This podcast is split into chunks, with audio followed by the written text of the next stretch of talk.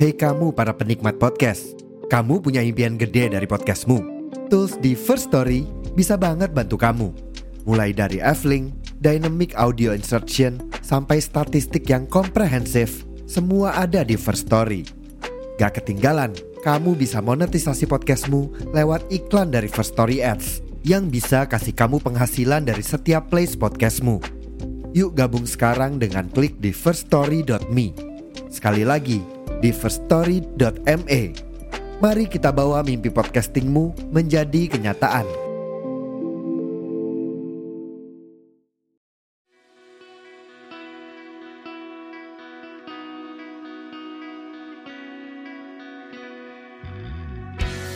Halo halo, selamat datang di podcast Komik Indo. Ah, akhirnya bisa upload lagi. Iya, sorry banget nih, gue udah tiga bulan menghilang. Sosokan banget ya, padahal pendengar juga belum seberapa, udah main hilang aja. Ya, gue juga pengen bilang makasih sih sama lo, karena masih mau dengerin gue sampai sekarang. Oke, di episode comeback kali ini, gue mau bahas sebuah komik yang juga baru comeback di tahun kemarin. Padahal setahu gue komik ini tuh starting pointnya udah lebih dari 10 tahun yang lalu lah. Komik yang mau gue bahas kali ini berjudul 5 menit sebelum tayang, karya Oktober Bing dan Muhammad Fathanul Haq.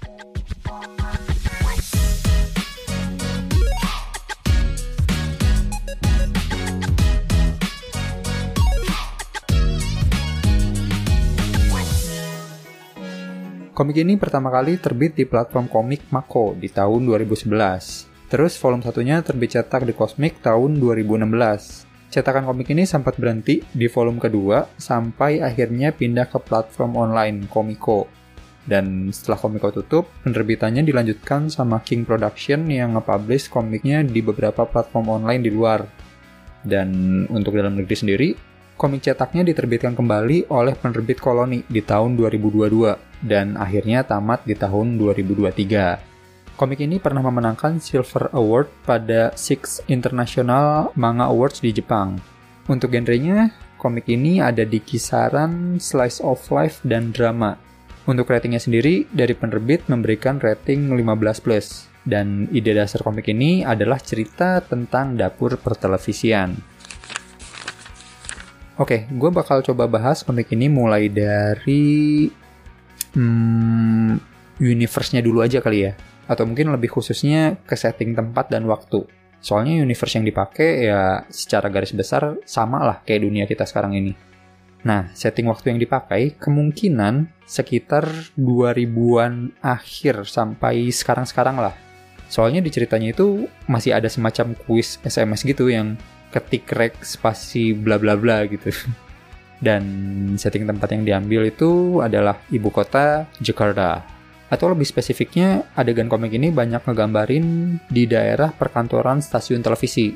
Ya, karena cerita dari komik ini sendiri nyeritain kisah industri para pekerja atau redaksi di stasiun televisi tersebut gitu. Mulai dari news anchor, campers, produser, dan editor yang kadang masih kena teror sampai 5 menit sebelum penayangan berita. Untuk ceritanya sendiri, gue ngerasa komik ini tuh tipikal yang plot drivennya lumayan kuat. Maksud gue, komik ini tuh full of event gitu. Jadi kayak abis satu kejadian, langsung ada kejadian lain yang maksa si karakter dalam cerita ini bergerak terus gitu. Makanya gue ngerasa dinamika kejadian-kejadiannya jadi lumayan ada lah. Ada yang intens, ada yang ringan, ya lumayan beragam lah. Dan yang menurut gue perlu di point out dari komik ini adalah perspektif ceritanya. Gue ngerasa masih belum banyak ya komik yang maparin cerita di balik layar sebuah bisnis atau profesi gitu. Ditambah lagi bisa dibilang pekerjaannya nggak biasa. Udah mah kerjanya malam, orang lain udah pada pulang kerja di baru ngantor. Terus deadline kerjaannya bukan mingguan atau harian, tapi jam atau menit gitu. Ya, buat gue yang belum pernah tahu ada kehidupan seperti itu di balik layar televisi, menyenangkan buat diikutin sih. Dan abis baca komik ini, gue jadi mikir, kayaknya hal penting dari tipe komik profesi kayak gini adalah seberapa dalam si profesi atau bisnis ini bisa dibahas gitu. Soalnya kalau yang dibahas cuma hal-hal permukaan yang udah kita tahu, jadi biasa aja nggak sih? Kalau di komik ini kan gue jadi bisa tahu hal-hal selain pekerjaan dia kayak kalau pas pulang kerja gimana, kalau lagi cuti atau bebas tugas gimana. Keren lah. Oke, lanjut lagi ke karakter. Di komik ini ada beberapa karakter yang terlibat. Ada Budi, si editor kerja tayang paket berita, Arum, news anchors newbie yang suka kena masalah, Aryo, si campers, Pak Herman, produser dengan kata-kata ikoniknya belecut, dan beberapa karakter lainnya lah. Mungkin lu nyadar ya, dari beberapa review komik yang pernah gue bikin, gue tuh tipikal orang yang suka banget sama komik yang penokohan dan karakter developmentnya kuat gitu. Ya, jujur aja, menurut gue pribadi, komik ini di bagian karakternya cukup kurang. Bukan karakternya jelek, enggak. Justru gue ngerasa di awal karakternya bagus, menarik, developmentnya langsung ada. Tapi di satu titik, gue ngerasa semua itu stop gitu. Ya bisa jadi juga ini karena gue ngeset ekspektasinya terlalu tinggi. Soalnya di awal udah langsung dapetin pengenalan yang bagus gitu. Jadi gue berharap ke belakang-belakangnya lebih lagi. Atau mungkin juga ini konsekuensi trade-off dari komik yang plot drivernya kuat ya. Akibatnya ada karakter yang rasanya jadi kayak plot device aja. Terlibat suatu kejadian biar ceritanya maju gitu dan pembagian porsi karakternya juga menurut gue lumayan gak biasa sih ya mungkin ntar deh detailnya gue bahas di sesi terakhir aja ya biar gak spoiler terus untuk gambar gue ngerasa ini style gambarnya cocok dengan cerita yang disajiin gitu pilihan memvisualisasikan komik yang keadaannya cukup realistis dengan gaya gambar yang dipilih tuh pas lah mungkin kalau komik Jepang kayak komik-komik seinen deh Ya intinya visualisasi komik ini bisa ngewakilin ceritanya dengan bagus lah. Oh iya, kan komik ini sempat berhenti beberapa tahun terus lanjut lagi ya. Nah, di gambarnya itu, emang kalau lu jeli bakalan ngerasa ada perbedaan. Tapi tenang aja, nggak sejauh itu kok. Dan perubahannya pun bukan ke sesuatu yang buruk juga. Nggak bikin, anjir ini gambarnya kenapa? Nggak, nggak bakal bikin kayak gitu. Ya soalnya walaupun komik ini sempat hiatus, tapi komikus-komikusnya kan tetap ngerjain karya lain. Jadi ya skillnya nggak tumpul lah. Kalau boleh gue komentar sih, mungkin gue ngerasa gambarnya pas comeback itu lebih efisien kali ya. Mungkin karena pas kembali juga pengerjaannya dikerjain untuk webtoon kan, yang mana lo tahu sendiri deadline-nya berasa jadi sangkuri yang Oh iya, komik ini ada dua versi penerbitan. Ada yang versi cetak, gambarnya hitam putih, dan yang webtoon gambarnya berwarna. Tapi untuk yang webtoon, setahu gue cuma ada versi bahasa Inggris sih. Secara keseluruhan sih, nggak ada perbedaan. Cuma komik ini tuh punya dua episode ekstra yang ceritanya beda di online sama cetak. Jadi komik 5 menit sebelum tayang ini total punya 4 chapter ekstra lah. Jadi, menurut penilaian gue pribadi, komik ini tuh komik yang kualitasnya oke okay banget. Cukup sayang kalau lu lewatin gitu aja. Ya, masa iya sih komik yang menang silver di International Manga Awards nggak bagus ya kan? Gua mungkin akan merekomendasikan komik ini kalau lu suka sama sudut pandang-sudut pandang baru dari sebuah cerita. Atau pengen tahu contoh kehidupan di balik layar industri pertelevisian. Eh, tapi bukan berarti kalau lu udah tahu industri pertelevisian jadi nggak menarik justru bisa jadi malah lu bakalan bisa lebih relate kali ya. Soalnya jujur aja, ada beberapa hal yang mungkin gua miss karena gua kurang relate gitu sama kondisinya. Terus hal yang paling gua suka di komik ini sudah pasti ide dan perspektif ceritanya. Gue tuh suka sama komik yang setelah gua baca, gua ngedapetin sesuatu gitu. Ya karena perspektifnya baru buat gua, jadi gua bisa dapet insight baru juga gitu. Terus untuk komikus-komikusnya sendiri, baik Mas Okto ataupun Mas Mato masing-masing sedang mengerjakan karyanya yang masih belum bisa diberitahukan. Tapi salah satu karya dari mereka, expected kabarnya bisa didengar di awal tahun 2024 nanti. Untuk link-link terkait komik dan komikusnya, seperti biasa, bakalan gue taruh di deskripsi podcast. Dan seperti biasa juga, abis ini akan ada sesi side notes, di mana gue ngebahas hal-hal lain terkait komiknya, tapi include spoiler. Jadi kalau lu udah baca atau nggak masalah sama spoiler, kita ngobrol lagi habis ini. Tapi kalau lu nggak mau kena spoiler, stop aja di sini nggak apa-apa. Jangan lupa dukung terus perkomikan Indonesia, bukan hanya karena nasionalitas, tapi juga karena kualitas. Sampai jumpa lagi di episode berikutnya. Dadah!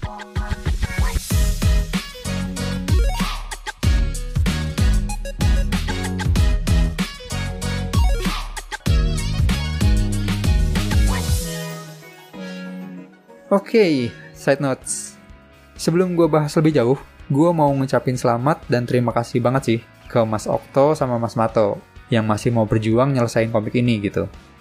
Ya, gue nggak tahu gimana di balik layarnya, tapi ngeliat dari perjalanannya sampai pindah penerbit lima kali, udah pasti bukan hal yang mudah sih.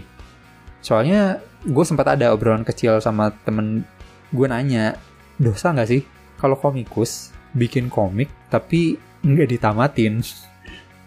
Soalnya kalau logiknya kan iya gimana komikusnya aja lagi. Karya karyanya dia, yang ngerjain juga dia. Kalau tekor dia juga yang nanggung. Kalau ada hasil harus bagi-bagi. Eh enggak enggak enggak. Ya pokoknya gitulah. Tapi temen gue juga bilang, ya sebagai pembaca kita udah ngorbanin sesuatu untuk bisa ngikutin karya komikusnya gitu. Kalau misal pembaca itu ibarat customer, terus komik Indonesia banyak yang nggak tamat, ntar customer satisfyingnya makin lama makin turun nggak sih? Dan kepercayaannya lama-lama bisa hilang. Hmm, lumayan jauh, tapi ada benernya juga. Well, anyway, thank you Mas Okto dan Mas Mato sudah memuaskan pembaca dengan menamatkan komik 5 menit sebelum tayang. Congrats. Oke, terkait hal-hal spoiler, masih ada beberapa hal yang masih pengen gue bahas tentang komik ini lebih jauh lagi. Pertama, gue coba mulai dari karakter yang belum beres gue bahas tadi. Gue tadi bilang kan kurang suka sama karakterisasinya. Tapi nggak berarti semua karakternya jelek. Nggak. Justru di awal itu karakter Budi hooknya kuat banget. Di chapter-chapter awal tuh kita dikenalin Budi yang punya pekerjaan tidak biasa, tapi juga punya konflik yang cukup general kalau istilah teman gue mah, perbedaan membawa ketertarikan, persamaan membawa kenyamanan. Cile. Gue sendiri tertarik sama background dan apa yang dikerjain Budi. Tapi di sisi lain juga gue relate dengan kondisi Budi. Dan gue rasa di satu titik orang-orang kebanyakan pernah lah ngerasain muak sama apa yang dia kerjain dan pengen udahan aja.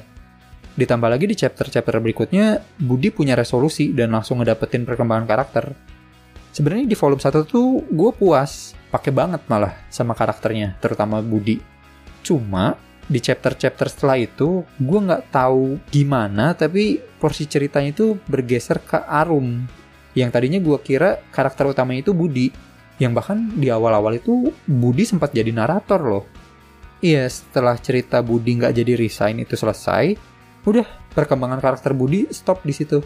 Hampir semua cerita sisanya bergerak di sekitar Arum dan yang lebih buat gua ngerasa aneh lagi dengan banyaknya porsi cerita yang dikasih ke Arum, sebagai seorang karakter, gua nggak nangkap perkembangan dia coy.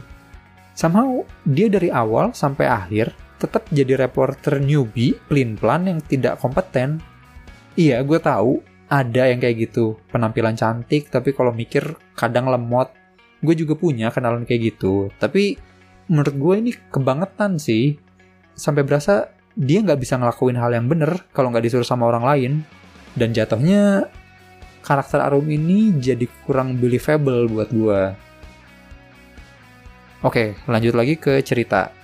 Oh ya, tadi di awal gue nggak sempat ngasih tahu premis ceritanya apaan. Soalnya, pas coba gue cari tahu pun, ternyata memang komik ini awal mulanya nggak dari premis, tapi dari ide cerita langsung ke storyboard. Nah, gue nggak tahu nih, apakah memang karena hal itu atau bukan tapi gue ngerasa ada beberapa cerita yang off gitu. Hubungan sama ending ceritanya tipis. Kayak yang cerita Arum dipindahin ke program anak bangsa itu menurut gue kontribusi kejadian itu untuk keseluruhan cerita tipis banget. Iya, itu jembatan aja buat Arum dimarahin dan dibebas tugaskan. Kalau buat itu doang kan gak harus juga pindah ke program anak bangsa yang sampai makan 4 chapter sendiri ya pas bikin program baru juga idenya bukan dari Arum. Ya paling hasil pindah program itu unlock karakter aja sih. Kayak Mas Edo tapi dia juga perannya nggak besar sih. Mau sebagai saingan Asmara juga tipis-tipis doang. Makanya tadinya gue ngerasa aneh. Kenapa ya harus ada cerita pindah program? Tapi setelah gue mikir-mikir lagi, oh iya ya, ini kan cerita slice of life tentang kehidupan kantor TV jadi ya emang chapter-chapternya sesimpel buat ngasih tahu aja. Kalau di section yang kejar tayangnya harian tuh kayak gimana, di section yang mingguan tuh kayak gimana. Jadi ya oke okay lah, bisa gue maklumi. Lanjut, masih ada soal cerita yang pengen gue bahas, yaitu ending. Gue sangat mengapresiasi ya keberanian Mas Okto untuk ngangkat dan ngasih opini soal permasalahan lokal kebudayaan beliau. Gue rasa sih itu cukup riskan, dan bisa jadi menuai kritik dari pihak-pihak tertentu kalau nggak terima gitu. Cuma sangat disayangkan, ini perspektif gue pribadi ya. Gue ngerasa impactnya ke gue sebagai pembaca tuh tidak lebih besar dibanding dengan konflik yang bulu tangkis yang di buku ketiga. Gue ngerasa cerita yang pebulu tangkis itu paling oke okay lah. Klimaks, konklusinya dapat semua. Entah ya, tapi bisa jadi karena gue lebih relate sama kejadian atlet yang disuap. Ya kan gue sebagai masyarakat juga pernah berada di posisi ngedukung atlet yang mewakili Indonesia dan ya mungkin juga cerita ini kurang lebihnya mewakili harapan gue atau mungkin lu juga di mana praktek kotor di olahraga yang seharusnya sportif tuh terungkap gitu. Nah, di lain sisi, cerita yang soal program baru itu nggak jelek, bagus, serius, tapi gue susah untuk relate. Yang pertama, gue bukan orang Batak, dan informasi di komik itu soal adatnya adalah sesuatu yang baru buat gue, jadi new thing saja. Kedua, kalau ngelihat dari sisi Budi dan kawan-kawan yang berjuang bikin program baru, gue juga nggak relate. Gue tidak merasakan kekisruhan atau kegaduhan orang-orang TV yang bikin program di masa-masa transisi dari TV konvensional ke internet gitu. Dan saking penasarannya kenapa dengan endingnya, gue coba nyari tahu apakah memang rencana komik ini endingnya seperti itu atau keterpaksaan karena penerbit mau tutup. Iya, mengingat 5 menit sebelum tayang sempat pindah rumah beberapa kali ya. Tapi ternyata memang ini ending yang direncanakan sama komikusnya. Cuma katanya setup cerita yang terakhir itu emang dipersingkat. Ya mungkin ini kali ya, penyebabnya gue ngerasa impactnya rada kurang. Dan yang terakhir, gue mau ngebahas ironi yang disuguhin di komik ini. Ya, gue nggak tahu sih ini intensional atau enggak, tapi gue rasa sih intensional. Di beberapa cerita, duo komikus ini nyuguhin beberapa realita yang kontras sama lingkungannya gitu. Kayak di cerita yang bulu tangkis, itu kan ending ceritanya ada orang-orang yang demo ngedukung sama keberanian Tony ya. Ya itu sesuatu yang harus diapresiasi dan warga juga ngedemo ngedukung kebenaran gitu. Tapi di halaman atau panel terakhir, setelah close up visual dengan kata pahlawan, malah nunjukin sampah yang bergeletakan gitu aja, sisa aksi demo. Ironi gak sih? Terus juga ada cerita tentang si Arum yang digosipin aneh-aneh. Itu juga cukup ironi menurut gue. Mengingat orang-orang itu tuh kerja di kantor berita yang menuntut fakta yang aktual. Tapi orang-orang di dalamnya malah ngegosip yang entah nilai kebenarannya gitu. Gue suka sih sama yang kayak gini. Oh iya kelupaan, terakhir banget. Soal dua chapter ekstra digital dan cetak. Kalau gua lebih suka cerita ekstra yang cetak sih. Soalnya dua ceritanya nyambung dan lumayan satisfying lah. Walaupun gue rada kaget sih. Sifat ramal yang gak pernah kelihatan kayak gitu tiba-tiba muncul. Dua chapter ekstra ini juga lumayan mengobati ending cerita yang gue bilang kurang nendang tadi sih. Kalau yang di online itu chapter ekstranya misah dan ekstra penutupnya juga hmm, gimana ya? Walaupun jadinya ada sedikit development karakter di sana tapi tidak semenyenangkan yang cetak menurut gue terus beberapa gambar close up yang ada di format webtoon tuh kurang berasa megah sih ya kan format webtoon manjang ya jadi panel wide shotnya juga lebarnya cuma segitu beda sama cetak yang bisa dibikin satu halaman full atau dua halaman spread gitu Ya, cuma kelebihan yang di webtoon berwarna aja sih. Kalau gue pribadi lebih suka yang versi cetak. Kalau lu, gimana?